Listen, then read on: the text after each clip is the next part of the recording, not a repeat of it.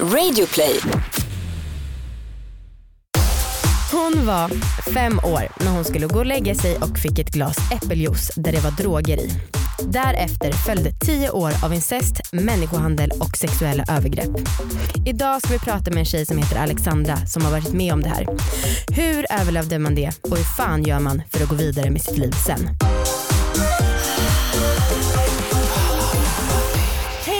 Allihopa och varmt välkomna till podcasten Alla våra ligg.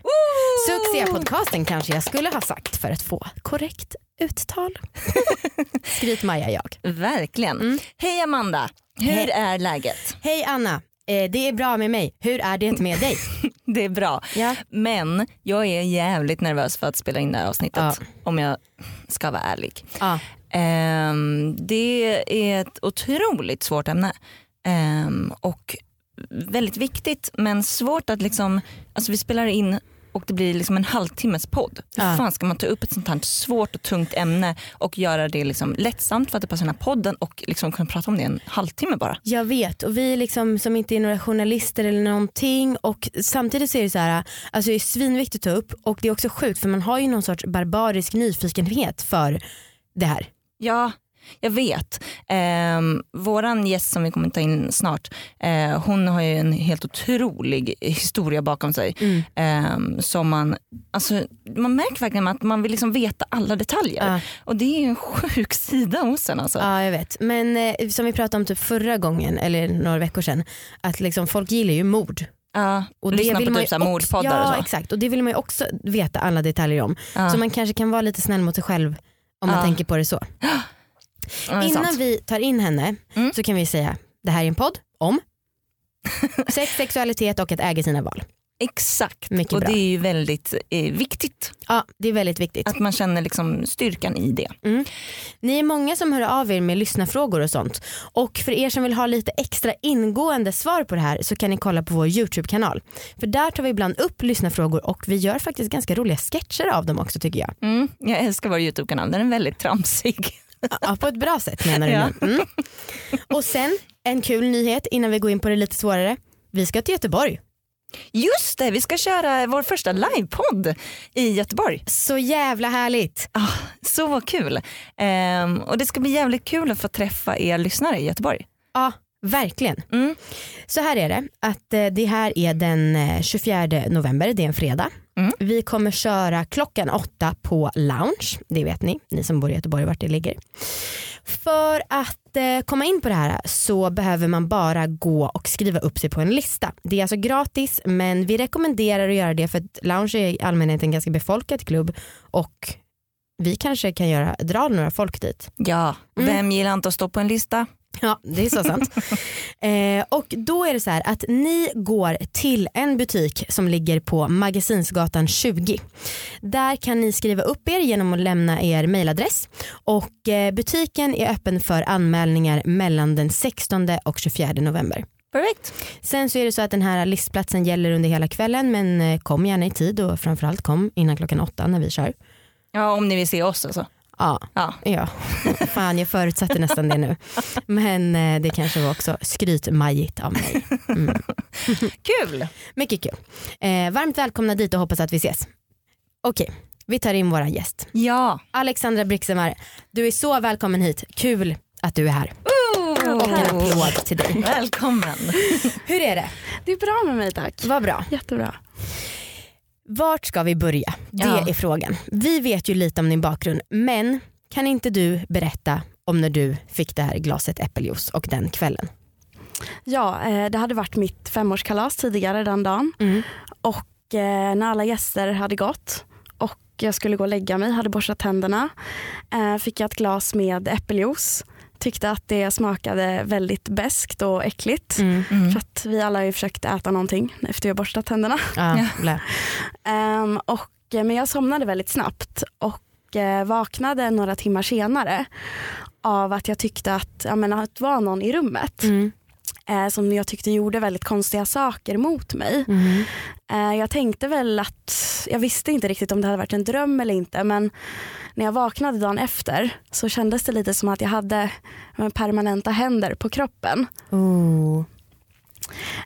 Och och efter ja, men den här liksom, incidenten Mm. så fortsatte det vilket bevisade för mig att ja, men det här var ingen dröm. Det här Mm. var faktiskt någonting som skedde på riktigt. Mm.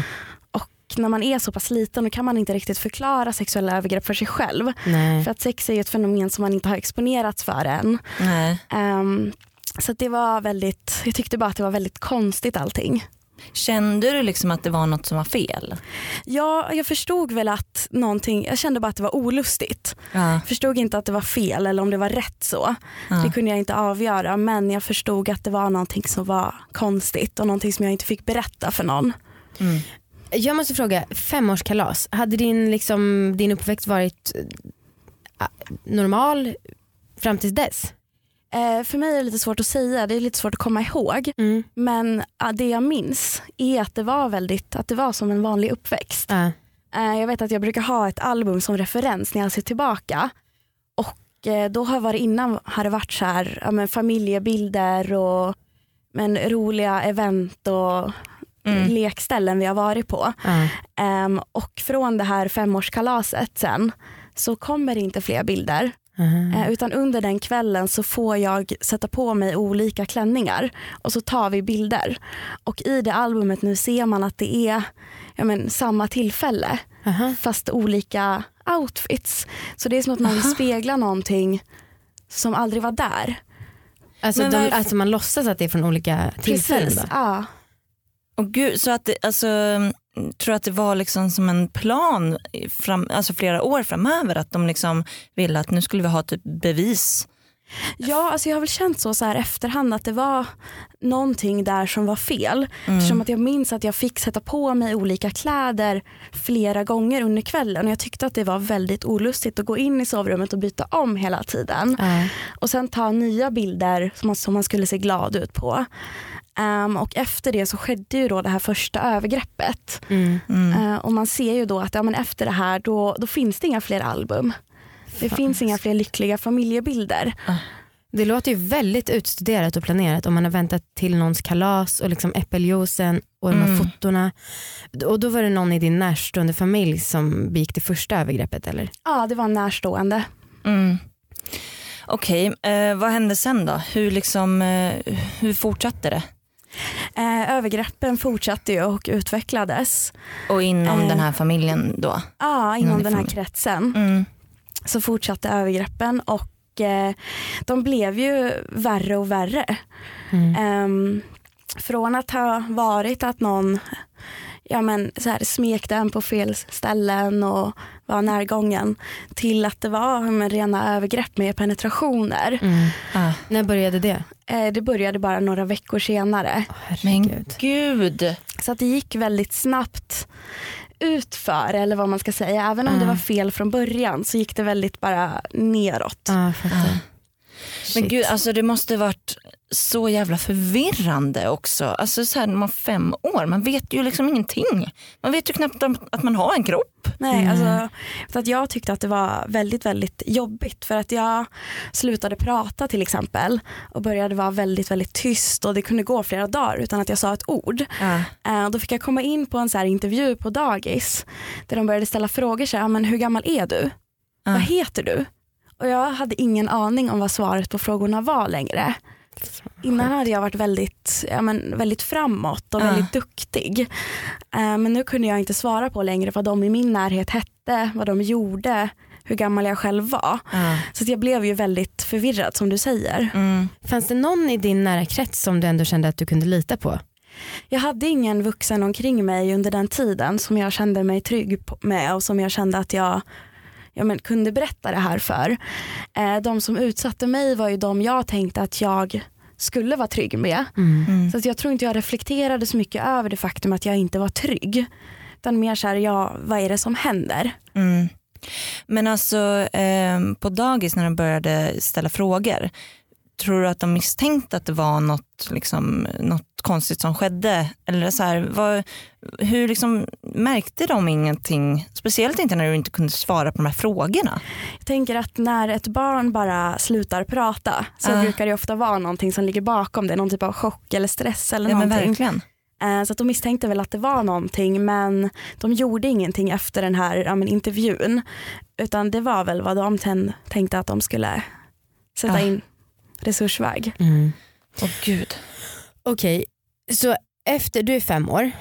Hur lång tid gick det innan du började bli såld och hur, det, hur gick det till? Ehm, Jag var åtta när jag började säljas till andra män. Och eh, jag kommer ihåg att eh, vi stod så här, en massa människor på jag menar, en stor rad så här, i eh, Ja, men vi stod i en linje, Mhm. ungefär ja, men fem personer i vardagsrummet. Och eh, så bara ser jag att ja, men alla står och ber.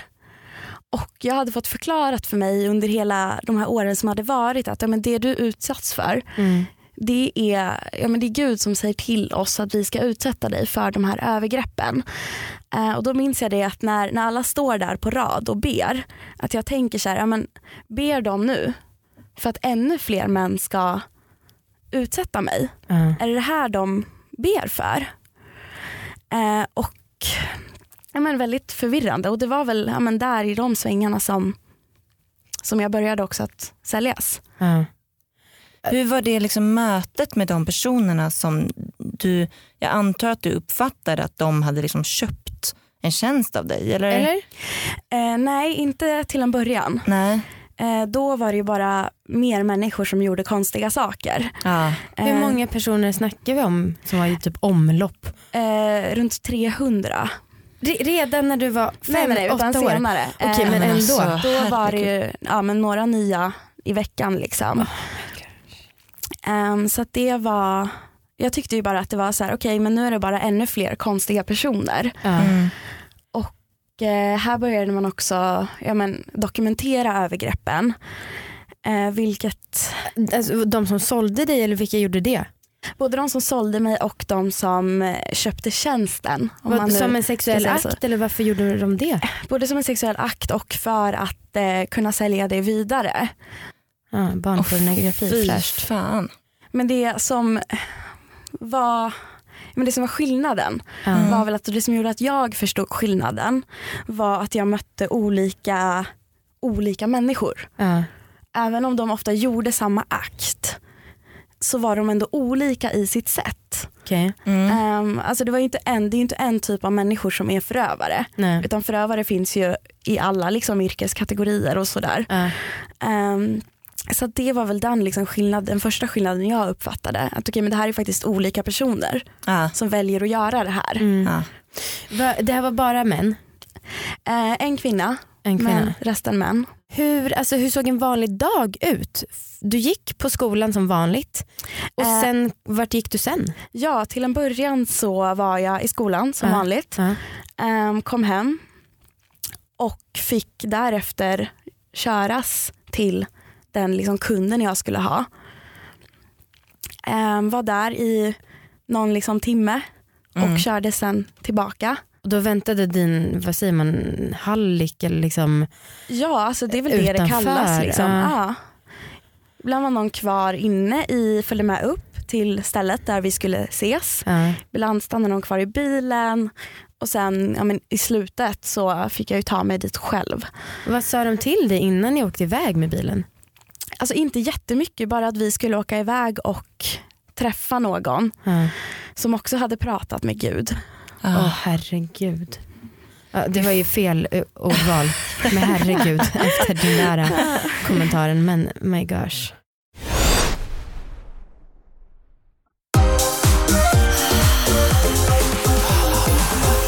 Hur var det så här med kompisar under den här perioden? Eh, Det var väldigt tufft, jag var ganska utanför Ja. under den här tiden för att jag blev väldigt, men väldigt intellektuell på ett sätt och så här jättesmart men så var jag jättelångt efter så här känslomässigt. Mm. Eh, Så att jag kände mig väldigt utanför och jag var ganska utanför under ja, men, de första åren i skolan. Eh, Och det var ju tufft men jag hade ju någonstans min egen ångest. Ja. Kommer ihåg att jag gick ju ifrån de grupperna man var i i skolan för att bara så här stå och stirra på mig själv i spegeln Mm. och bara så här okej men jag är hemsk, jag är ful liksom. Ja. Eh, Så att jag tror att jag tog lite avstånd själv också. Mm. Ja, så, ja, det är inte så konstigt kanske. Ble, blev du tillsagd vad du skulle ha på dig och sådana saker? Eh, ja, jag blev tillsagd vad jag skulle ha på mig. Vissa kunder, eller ja, ö, förövare, Ja. hade ju särskilda önskemål. Ehm, och det kunde ju vara så här, ja men det var så här åtta år och så ska man så här dra på sig typ stringtrosor och så här, man bara, ja, men jag kan inte ha någon bh-storlek. Ja. Det är lite svårt. Ehm, Men alltså det är så sjukt för att så här, ma- ah, nu låt- kommer det här låta konstigt men när, man när jag tänker på så här, förövare, folk som verkligen liksom utsätter folk, då tänker jag kanske någon här och var. Men alltså 300 pers, det är så obegripligt många människor. Och också i, för du är ju från en liten stad. ja. Det är så obegripligt, så här, hur, hur kan det ha varit så utbrett? Det är ju tyvärr så att vi har väldigt många fler förövare och människor som köper sex än vad vi nog vill tro. Ja, men det här är inte bara Eh, köpa sex. Nej, det är Nej. som sagt att Det här är liksom pedofili av grov rang och det är så Ja. jävla stört så att det är, Ja. precis. det är bland det mest extrema jag har hört Mm. talas om. Men förlåt Alexander, jag skulle Eh, inte avbryta nej, dig. nej, nej, men och det blir så, jag åkte ju runt till, jag var ju inte bara i den byn. Nej. Mm, Eh, det är väldigt svårt att plocka upp liksom, mm. en liten by uppe i norr. Mm. Ehm, så att man blir ju körd till, till olika ställen, till olika städer. Ehm, och människor som är ja, men pedofiler, Mm. de hittar ju lätt andra pedofiler det. i de kretsarna de umgås med och då blir det lite, det blev lite som en, ska man säga, en liten så här gruppaktivitet om man ska liksom försöka sätta ord på men det. Som en community typ. Ja, alltså det är ju lite det som Ja. finns på nätet till Ja. exempel. Då var det inte lika utbrett men det är ju det, de har ju varandra. Ja. Eh, och man vet okej men här har vi någon som kommer till, säg, det vet jag, Stockholm, Ja. där vi är nu. Ja, men då har vi här fem personer, Mm. för det tar ändå några timmar att åka ner. Ja, men vi måste ju tjäna på det. Ja. Vi hörde ju när du var med i en annan podd som heter Psykologipodden, eh, det var så vi kom i kontakt med dig. Och där snackade du om så här, de värsta typ sadistiska fetischerna som man kan tänka sig. Mm. Hur var ett vanligt övergrepp, hur gick det till? Alltså, från det att du kom dit och gick in i rummet, vad hände? Ehm, vissa, om jag tar, om man delar upp förövare i två, bara lite så här. Eh, ena delen som jag då kallade för ja, men de snälla förövarna, Ja. eh, de började, inledde ju alltid med, eller ofta med att prata. Mm. Bara så här, berätta om sitt eget liv Mm, och liksom tyck synd om mig. mm, Eh, vissa bad ju om ursäkt innan. Mm. Bara, förlåt för att jag ska göra det här mot dig, men det kommer göra ont. Men gör det inte då! Ja, ja men precis. Ah. Ehm, så det brukade jag ju börja med och sen bara väldigt så här lugnt förspel där någon bara liksom tar av en tröjan och smeker på en. Liksom. Mm. Ehm, Var du tvungen att göra någonting tillbaka eller låg du där stel som en pinne? nej alltså det blir ju en del avsugningar om man ska säga det Mm. rätt ut. Liksom. Mm. Ehm, och det är ju ofta så som liksom, de har velat att man börjar Mm. Ja. när det är de här ja, men ska säga, snälla förövarna. Mm. Ja. Ehm, och sen går det ju över till en penetrering Mm. och eh, om man istället tar, ja, tills de får någon typ av utlösning då. Mm. Ja. Ehm, och om man istället tar de som ja, men använder sig av mer liksom sadistiska metoder. Mm. Eh, då kunde det ju vara så här, vissa hade ju byggt upp typ, jag vet att en man han hade så här ett kors. Mm. eh, som han hade byggt upp bara i sin källare. Eh, och så bara liksom hängde han fast mig där. Men gud, herre. och det, alltså. det är ganska sadistiskt liksom. Mm. Eh, och extremt. Och det är ju när det liksom har Ah. gått för långt. Så att det, är väl, det var väl så lite jag i mitt huvud kategoriserade de här. Ja. Mm. Ehm, och det var ju de här liksom de mer ja, men extrema och mer brutala som ville att så här, okay, jag vill att du kissar på mig. Ja. Ehm, du ska hänga där. Ja. Fi- vad- eh, Blev du slagen? Ja, extremt mycket. Men alltså hur, hur kunde liksom det här gå så långt? Alltså jag tänker om, om någon kommer till skolan med massa blåmärken, Mm. hur kan man inte liksom anmäla det här? Ja. Jag förstår inte. Det är det, alltså så här i efterhand, Ja. då är det ju väldigt många som har sagt, ja men jag misstänkte att det var någonting. Ja, fuck you alla som inte agerat. Ah. Fuck you. Ah, Och då var det så här, ja fast eh, du, om du har vetat eller misstänkt då Ah. kanske du i alla fall har kunnat ställa frågan. ja. Eh, eller sagt liksom, hur mår du? Ah.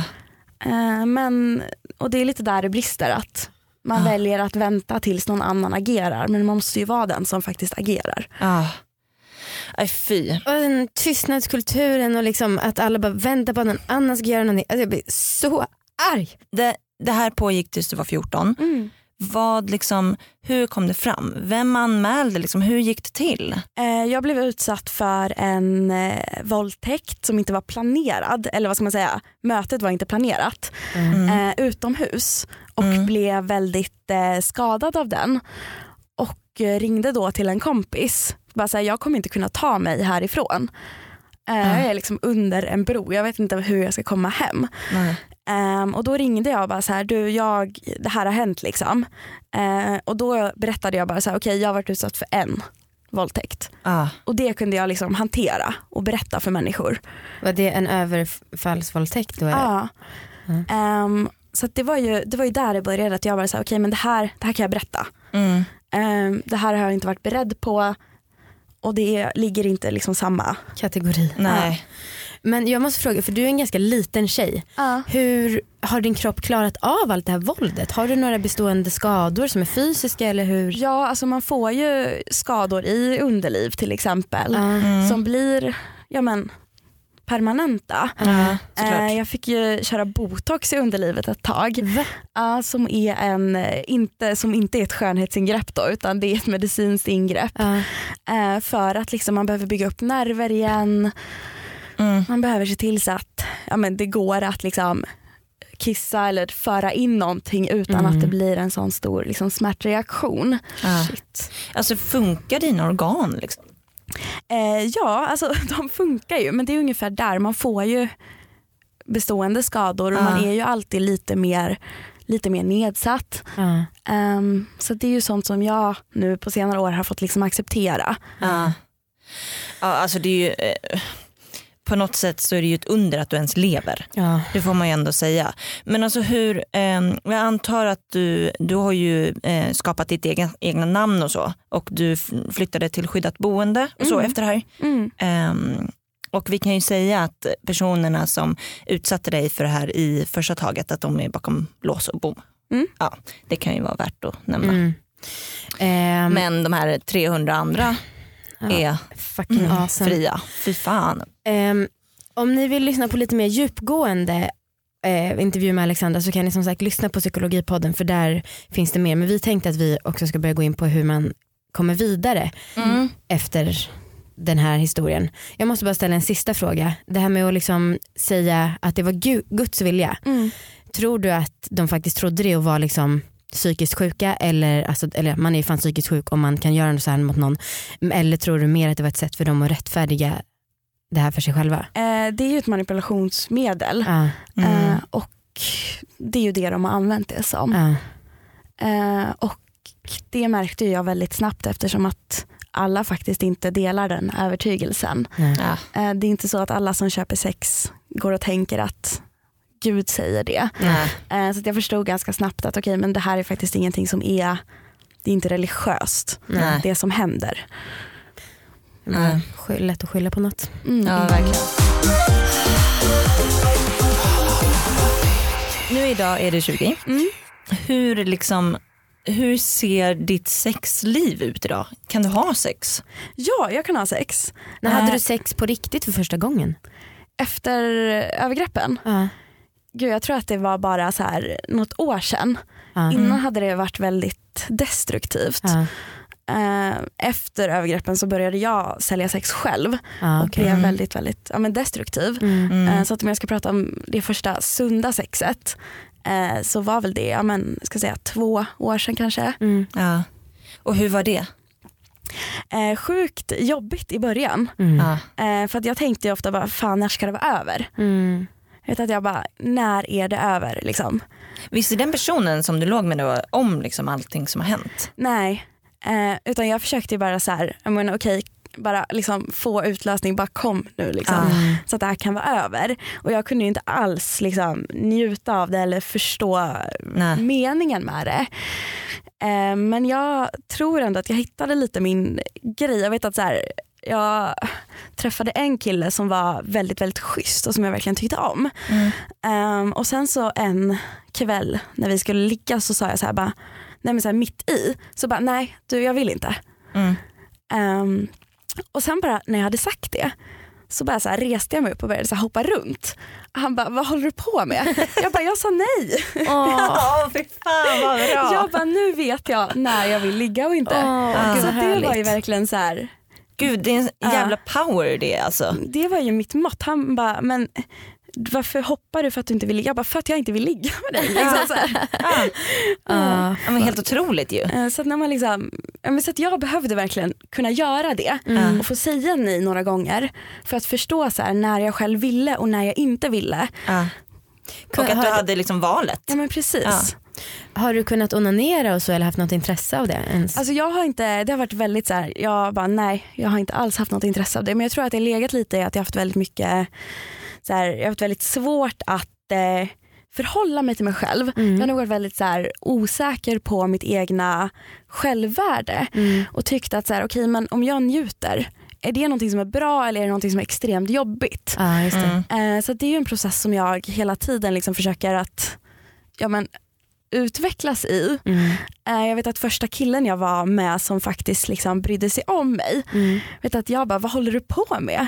Mm. Han bara, men hallå, gillar inte du det här? Ja. Jag bara, nej, du ska inte göra någonting mot mig. Aha. Jag var Mm. helt såhär, jag bara, varför gör du så här? Varför tar du i mig?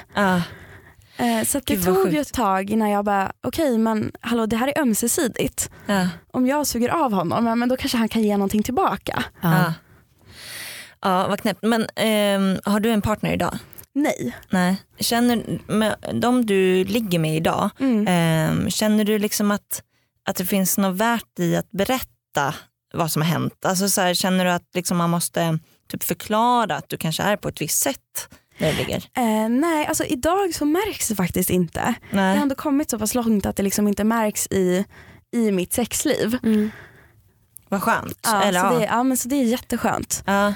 Eh, och det var ju bara, ja, men jag behövde ju bara förstå liksom så här, okej men det är okej för mig att faktiskt njuta. Mm. Ja. Och det var ju någonting som ingen annan kunde göra för mig, det behövde ju jag förstå själv. Mm. Har du känt mycket skam kring det alltså, s- efter, efter att ha varit med om allt det här och att det samma grej, samma liksom fysiska akt har varit någonting som även har kunnat vara till njutning för dig? Har det känts väldigt konstigt? Ja, eh, jag har haft extrem skuld. Ja. Både inför att ja, men vi människor är ju, alltså, vi är ju kåta. Ja. Mm. Ehm, och det har ju varit bara en stor liksom, bara, men gud vad är det för fel på mig? Mm. Ja. Hur kan jag ens vilja ha sex? Hur kan jag vilja vara nära en annan människa? Mm. Mm. Så det har jag ju känt bara så här, ja, jättemycket skuld i. Mm. Men som tur är så kommer man ju vidare. Ja. Ja. Jag tänker att i eftersnacket kanske vi kan prata om dels om en så här, den hjälp du har fått, hur fan Mm. man får det för jag hoppas att, eller jag gissar att du har fått professionell hjälp Mm. också. Och också Alexandra har startat en eh, organisation som heter Vi vågar Mm. eh, och arbetet som du gör med det Mm. kan vi ta i eftersnack. Perfekt. Mm. Mm. Så lyssna på det.